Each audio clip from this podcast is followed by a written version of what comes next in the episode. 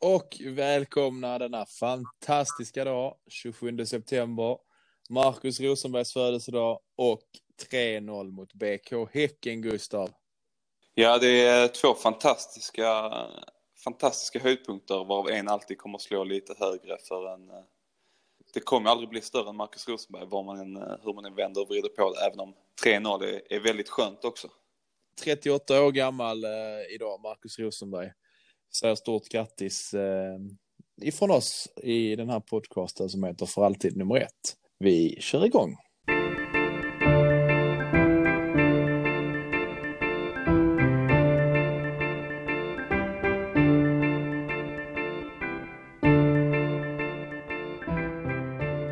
Vi har väldigt bra form de två senaste matcherna kan man väl eh, ganska lugnt konstatera. Både framåt och bak man är aldrig bättre än sin senaste match. Va? Och eh, det innebär ju att vi är 3-0 bra mot, mot eh, serietvåan, eh, BK Häcken. Numera trea va? De halkade ner när Norrköping vann. Men eh, nej, men fy fan om man nu får lov att uttrycka en svordom utan att någon eh, stämmer, stämmer oss. Så Jag nej, riktigt imponerad av Malmö FF idag alltså otroligt skönt att se att man tar med sig den här, eh, den här eh, inställningen och liksom det här cyniska spelet och, och liksom bara låta motståndaren göra sin grej i, i, eh, i kontrollerat läge på, i, in, in i allsvenskan ifrån, ifrån Europaspelet. Det var länge sedan vi, vi gjorde det känns det som. Ja men det här känns ju som en i stort sett, eller det var en, en väldigt väl genomförd match både taktiskt och tekniskt liksom. Eh, men det är också väldigt skönt att se att, att så många saker klaffar. Att eh, Marco får hålla nollan ännu en gång och att vi lyckas göra tre mål. Men, men på något sätt så är ändå känslan att det här hade kunnat vara mer. Det här hade kunnat vara lite till och det, det gör att man går in med en ganska bra känsla till, eh, till jobbet imorgon bitti tänker jag. Ja, men det är ju det som är grejen, att det var ju betydligt mycket närmare 4-0 Malmö FF än vad det var 3-1 BK Häcken. Och alltså, Axén har väl en poäng i, studion efter nu. Jag hade inte tid att höra, höra allting. Eh, men, men det här att Häcken var inte dåliga. Alltså det var inte, det var inte så att det var ett dåligt lag som, som stod för motståndet, utan det var ändå ett väldigt bra BK Häcken. Men som ändå känns helt ofarliga och jag menar, kontrollerade av Malmö FF liksom. Vilket är än mer imponerande tycker jag. Nej men eh, precis som mot eh, Lokomotiva häromdagen så är det väldigt skönt att man liksom kan begränsa motståndarnas lägen till att de bara får nästan halvfarliga chanser. De kommer fram någon gång och är kanske på väg. Hade de haft lite tur så hade de kanske kunnat rinna igenom och fått ett, fått ett farligt, farligt läge. Men i det stora hela så gör vi en fantastiskt bra insats och lyckas ja, men förhindra dem från att ha någon riktigt, riktigt stor chans.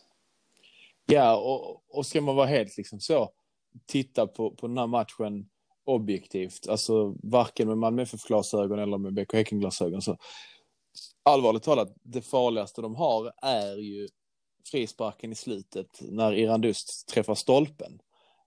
Alltså det är liksom, sen är det klart att det är något läge som där Wålemark kan rinna igenom, men den, den stoppas upp av Söderlund och så vidare.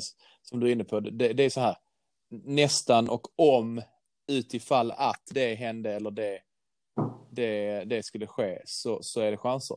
Men eh, enligt statistiken så har de ju noll stora målchanser. De har ett skott på mål. Um, och, och vi har fyra blockade skott. Så som du säger där, så visst, de hade ju någonting offensivt, men de stoppas ju i tidiga skeden av Malmö FF både försvarsmässigt men även då liksom i deras anfallsavslut och ja, men hur de avslutar sina anfall helt enkelt.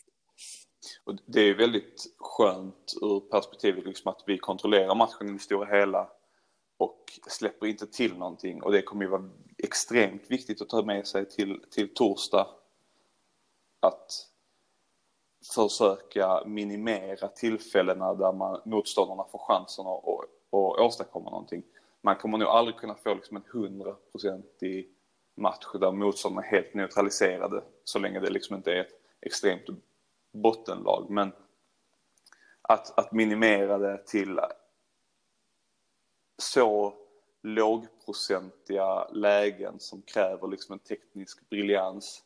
Det, det är bra, en bra insats defensivt av Malmö idag och offensivt för den delen.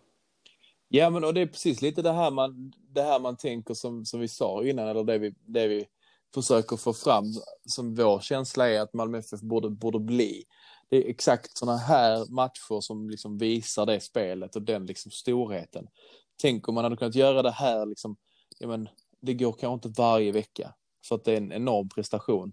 Och det är ett enormt självförtroende tror jag som både lokomotiva matchen har gett men även denna matchen har gett. Ehm, som krävs för att eh, prestera så här liksom. För det, det är ju inga, det är ett vackert 1-0 mål. Men sen är det ju liksom, det är bara, alltså bara en sån här ren måltjuvsinstinkt. Kiese Thelin får fram sin fot och att inte det blir frispark om man ska vara rent liksom objektiv återigen är ju, kan jag ju känna så här lite i vågskålen att ja, ibland frias det, ibland fälls det. Det där är en svår situation.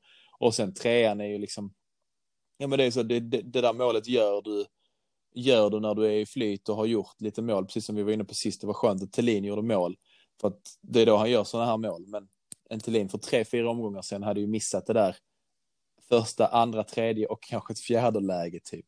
Så att det, det, är enormt viktigt att ta med sig in eh, mot Granada. En annan sak som är skön också som jag bara tänkte bolla över till dig, det här med, som, alltså det här med bollinnehavet, att, att Jon Dahl Tomassons plan liksom eh, handlar inte om att ha bollen i den här matchen. Låt Häcken ha den. Det handlar om vad du gör med den när du, när du anfaller och i vilken fart du gör det. Och det är exakt det som kommer att krävas mot, mot eh, Granada på torsdag också. Att, att liksom ge, ge dem initiativet. Kom till Malmö, spela ert spel, rulla boll i backlinjen. Vi kommer att fanta med straffar när vi kan, liksom. när, vi, när vi vinner boll. Liksom. Ja, men det ser man ju hur, hur snabba vi är idag på att utnyttja luckorna som blir i Häcken. Vi vet ju liksom att eh, Ekpolo älskar att gå fram på högerkanten. Och då låter vi honom göra det. Vi låter Häcken ha boll och nästan, ja, men som vi var inne på, nästan komma fram till läget innan det kan bli farligt. Men där stoppar man det och sätter igång någonting snabbt istället. Det var ju konstant luckor på, på deras högerkant. Eh, och, och så småningom och även på vänsterkanten för att de blir tvingade också att trycka fram ännu mer. Och när de liksom vaggas in i den här tryggheten att det är, det är vi som har boll, det är vi som kan trycka så öppnar sig luckorna ännu mer och det, det, det leder ju till slut till, ja, men till pressen, till övertagen, till chanserna. Sen en annan sak som är väldigt skön, eller var väldigt skönt med den här matchen, det är att vi lyckas förvalta fasta situationer på, på sättet som vi gör. Det är typiskt en sån sak som är otroligt viktig att ha med sig in i ett Europa playoff, Att, att man liksom kan få en hörna, man vet att ja, men, vi kan göra mål på hörna, vi kan göra mål på inkast eh, och frisparkar liksom.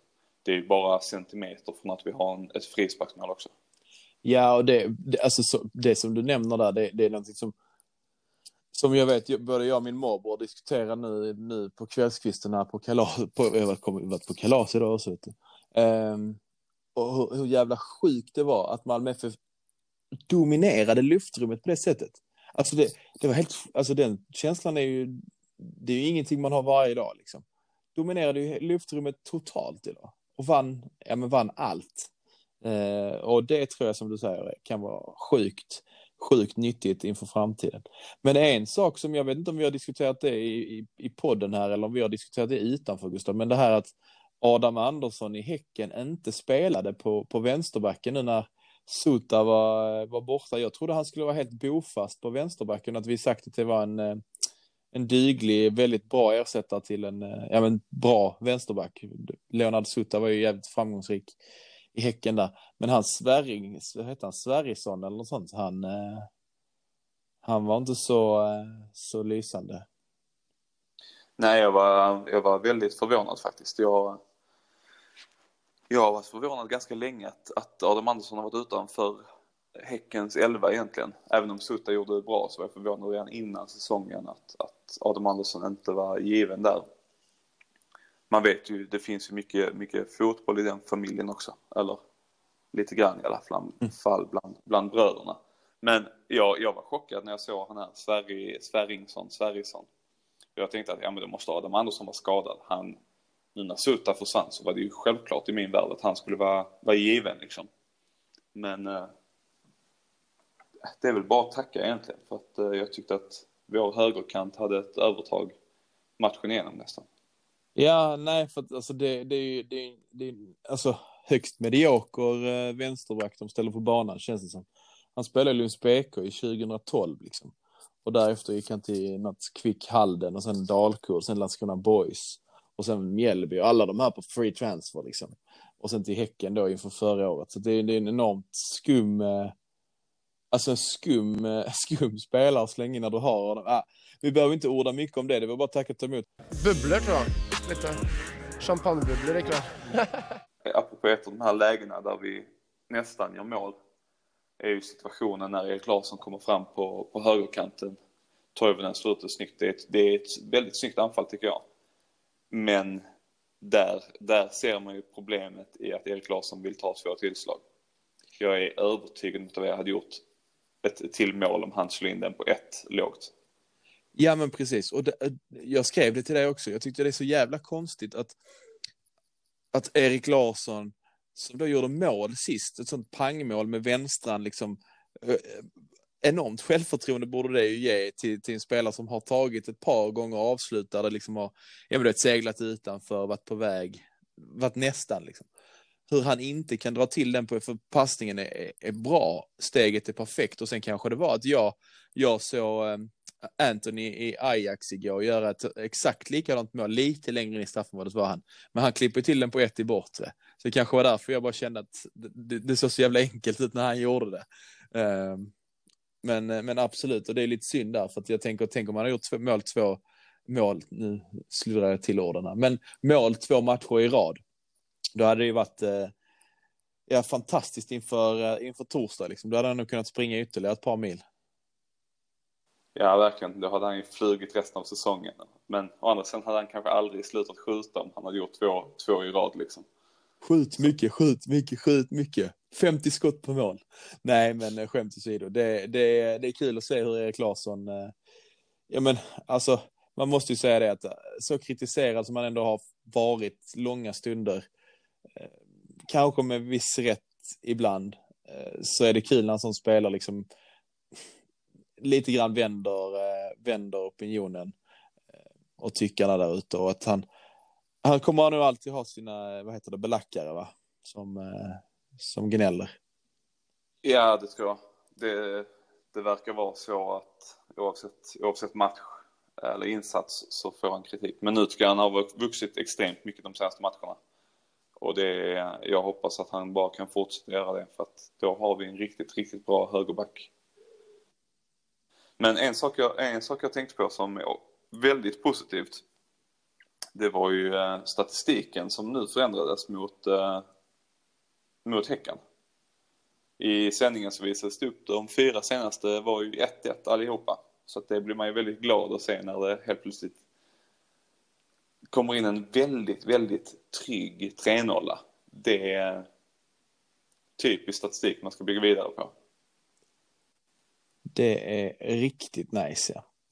Eh, jag har kikat lite Gustav på, på, eh, på framtiden här. Vi, vi spelat 22 omgångar. Vi ligger på 44 poäng. Eh, närmaste lag efter är eh, IFK Norrköping på 36. Och Häcken och Djurgården som då har sin hängmatch ligger på 35 och 32. Så om vi gör en liten, eh, liten tanke, tankebubbla här och leker med tanken att Häcken vinner. Då har de 35, 36, 37, 38 poäng. Eh, och vi har 44. Det är åtta omgångar kvar. Vi har ett poängsnitt hemma på eh, 2, ska vi se här, får vi ta den. 2,3 och det är sämre på bortaplan. Då har vi ett poängsnitt på 1,6. Det är fyra hemma, fyra borta kvar. Är du med på vad jag gör? Jag är med på vad du gör. Du är med på vad jag gör? Jo. Tar 1,6 gånger 4, det ger 6,4 poäng till. Och 2,3 gånger 4 ger 9,2 plus 6,4 poäng. Så 15,6 poäng samlar vi ihop på våra 44 hade vi va? det stämmer. Så då landar vi på 59,6 poäng. Så då avrundar vi det till 59. Vi, eh, vi kan ju inte få halva poäng. Så 59 poäng. Eh, 59 poäng och Häcken hade, vad hade de? 38? Om de vann. Stämmer, stämmer. Ja. Det innebär att de ska spela in 21 poäng, 21,6 poäng, alltså 22 poäng på, eh, på resterande åtta matcher. Det ska de inte kunna klara. Nej, det låter som en tuff, tuff match för dem. Eller tuffa matcher att uppnå. För det är 2,75 i poängsnitt ju. Det låter, det låter ju väldigt högt för ett, för ett, eh, ett lag som Häcken. Det är väldigt svårt att tro det efter den här matchen kanske framförallt. Blir det inte, känns det ju inte mer sannolikt. Nej, nej, det var det jag ville liksom eh, någonstans komma till. Eh, jag, jag hann inte göra uträkningarna innan, så ni får ta dem idag på, på lite stående fot. Här. Det, jag tänker att det kanske kan bli charmigt. Um, nej, så att, så att någonstans, så den, den här segern, jag säger absolut inte att allsvenskan är avgjord. Det ser onekligen jävligt bra ut att vi sitter i en sits där liksom den hängmatchen nu verkligen inte spelar någon roll för oss. Um, eftersom att det kommer bara vara två förlorare mer eller mindre. Det, det är om Häcken vinner och radar upp en jävla massa segrar. Skulle Djurgården vinna så är de ju, är de ju uppe på samma som Häcken och eh, sju bakom oss. Så att eh, ja, vi ska klappa ihop totalt här och nu är det ju liksom Ja, vi tror att det är en Europamatch kvar. Vi tror inte vi tar Granada på torsdag. Det krävs ju. Vi måste fan komma ihåg att det är La Liga mot allsvenskan. Alltså det, det är en, det är en sån jävla skräll om vi vinner. Ja, även om de fick på huvudet eh, mot Atletico Madrid här idag så är det ju en, med 6-1 så, så, så ska man ju vara med på att det är liksom en så pass stor ekonomisk skillnad i, i liksom trupperna. Så att de går in absolut som favoriter i det här mötet. Och det är ju klart att vi båda hoppas eh, hoppas att det blir seger. Jag tror att det finns, alltså jag tror att MFF har ett par punkter man kan utnyttja mot Kanada. Men, men jag tänker inte sitta här och ljuga och säga att liksom det är 50-50 eller 40-60 i den stilen. Jag skulle tippa liksom 80-20 eller 20-80 blir det ju. Mm. Så att, så att uh... Nej, men och det, och det handlar väl egentligen mångt och mycket om liksom, kan Malmö FF, kan Malmö FF pricka en, en, eh, en, en av de två alltså två, två, två av tio då som vi pratar om när vi säger 80-20. Så att inte folk undrar vad fan pratar de för två matcher. Men två av, två av tio eh, där man då kanske kan vinna. Då är det ju när man är en sån här liksom med en boost och självförtroende och Kiese har gjort mål. Toivonen har spelat bra. AC kanske är tillbaka och redo från 60 minuter. Något i den stilen. Eh, och, eh, och att man då har hållit nollan i två, en Europamatch, en toppmatch i allsvenskan Eh, men sen är jag ju lite så här. Vi har roterat ganska lite. Det var många smällar idag på fötter och anklar och folk som gick ut och Kistelin halka, eller halkade, haltade efter, eh, efter matchen och sa att det var lugnt i intervjun. Men du vet, så här, det, är, det är nog ändå någonstans en större slitning på våra spelare, vilket jag kan, kan eh, tror jag, eh, ja vad ska man säga, missgynna oss eller löna sig för Granada sista 25-30 beroende på hur matchsituationen är. Alltså att vi kanske inte orkar stå emot ett tryck eller att vi inte orkar hålla en ledning eller att vi inte orkar riktigt jaga, jaga ett, ett segermål eller ett kryss liksom. Men äh, det ska bli jävligt intressant att se hur vi i lite form står oss. Ähm, du viftade här på fingret när, du, när, du, när jag sa AC, vad hade du på det?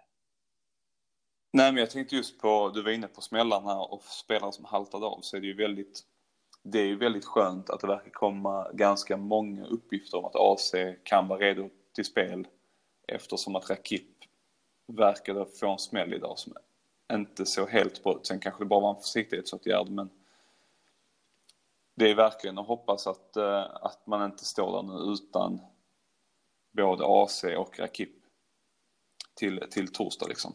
Utan att man kan ställa AC på banan bredvid Lewicki eller eh, Bonka, även om inte han kanske stärkte sina aktier idag. Så, så är det ju väldigt, eh, väldigt skönt att ha, ha det alternativet. För att det är ju, får vi in, får vi in AC och han kan ja, han är inte hur rostig som helst så höjer det definitivt våra, våra möjligheter. Oavsett vem vi möter. Så att det, det ser bara som ett, eh, ja men det är ju som en, en värvning nästan om han kommer tillbaka. Du, innan vi avrundar här idag Gustav, jag tänker vi kanske kör ett avsnitt i veckan va? Det känns som att vi kanske kan prata upp Granada lite. Eh, så, så ser jag här att det kom in, eh, bara för några minuter sedan, en, eh, en nyhet om Kistelins framtid oklar. Passningen till MFF trodde jag skulle få en indikation. Eh, jag har väntat på ett förslag sedan en månad, säger han till Aftonbladet. Det eh, känns ju som att eh, han gör det för att han vet att han är i jävligt bra slag. Eh, Alltså så här just nu. Det, han har liksom visat den här säsongen att han eh, håller jävligt hög allsvensk klass. Och vill väl vara kvar i Malmö känns det som. Annars hade han inte gått ut och sagt något i den stilen. Eh, och att han vill sätta lite press på Daniel Andersson att, att köpa loss, köpa loss honom liksom. Det är det jag tror. Så det känns väl, alltså det här med gnälla i media har vi pratat om, men i det här fallet så känns det väl förhoppningsvis positivt att sätta lite press på Danne kan inte skada i det här fallet. Det är bara att öppna plånboken. Ja, det är ju lite så, så som han presterar. Eh, ja, men när han är, när han är på topp så är han en av allsvenskans absolut bästa anfallare. Eh, om inte, om inte den bästa. Och det, det, visar han väl lite idag bara. Den, bara hans framspelning också till, till Toivonen ska vi man kanske passa på att hylla här för att den är ju, det är ju klass. Det var inte det man förväntar sig av, eh, man förväntar sig att det skulle vara en byta roller liksom. Eh, men, men eh, det gör han ju riktigt bra. Det är ju bara att hoppas att inte, att inte Anderlecht liksom har, har något helt orimligt krav, att det är det det faller på. För att ja, det är väl klart att det finns en övre smärtgräns även om han har varit fantastiskt bra. Så att det jag hoppas att belgarna är lite medgörliga, att de inte bara tänker att de ska sälja till första bästa som betalar mest. Så att han springer runt med, med Carlos Strandberg i Saudi om ett halvår eller något sånt. Men tror du inte att, att det, min käns, känsla kring hans lånesituation där är att det finns en option, vad heter det, option, option, option, option på köp. Alltså en fast summa liksom. Men att man... Jo, det, ja, vad ska jag säga? Det både tror och hoppas jag. Jo, men, jag tror att, för det jag tror det handlar lite om är att Malmö FF nog lite vill vänta och se Europa League eller inte Europa League. Eh, mm. Just för att får, får man in de pengarna, alltså med tanke på covid också, vi får inte glömma det, liksom. det är lätt att sitta och säga för oss ja men det kostar vad det kostar vill och så. Men vi har ju redan liksom haft små diskussioner hur det blir nästa säsong. Blir det ingen publik då, då är det, då är det liksom så här, ska Malmö FF kontraktera en sån spelare, då kanske det krävs att vi går till Europa League eh, för att ha råd med det. Eh, för att det är nog inte helt jävla billigt att ha honom på ett alltså då, långtidskontrakt. Liksom. Eh, så att... Jag tror det hänger väldigt mycket på både Europaspel i år och och tabellplacering. Jag tror inte att, säg att MFF skulle komma trea, fyra i år. Då tror jag definitivt inte att man skulle köpa, köpa loss en spelare för, ja vad det nu snackas om, 10, 15, 20 liksom. Det, det finns inte på kartan för att det är ju i, också i Europaspel som man är otroligt nyttig så att även om vi missar Europa League i år men kanske tar en, en en första plats i Allsvenskan, vilket vi såklart hoppas, så tror jag att det kan finnas utrymme eftersom hans rutin och hans spets bevisligen funkar bra i liksom de tuffa matcherna också. Och sen får man inte glömma det också, som, bara som avslutande grej, nu tänker jag för vi ska försöka runda, runda detta. Så kanske Malmö FF också tittar lite mot, en, mot ett alternativ, en, ett komplement eh, till, till då Toivonen som, som är här på längre sikt liksom. Till då Amin Sar som man kanske tror, med alltså tror på fler starter nästa år. Alltså just det här själva lagbygget. Att, att Isak Kiese funkar är ju, är ju absolut, absolut redan, redan kännbart liksom.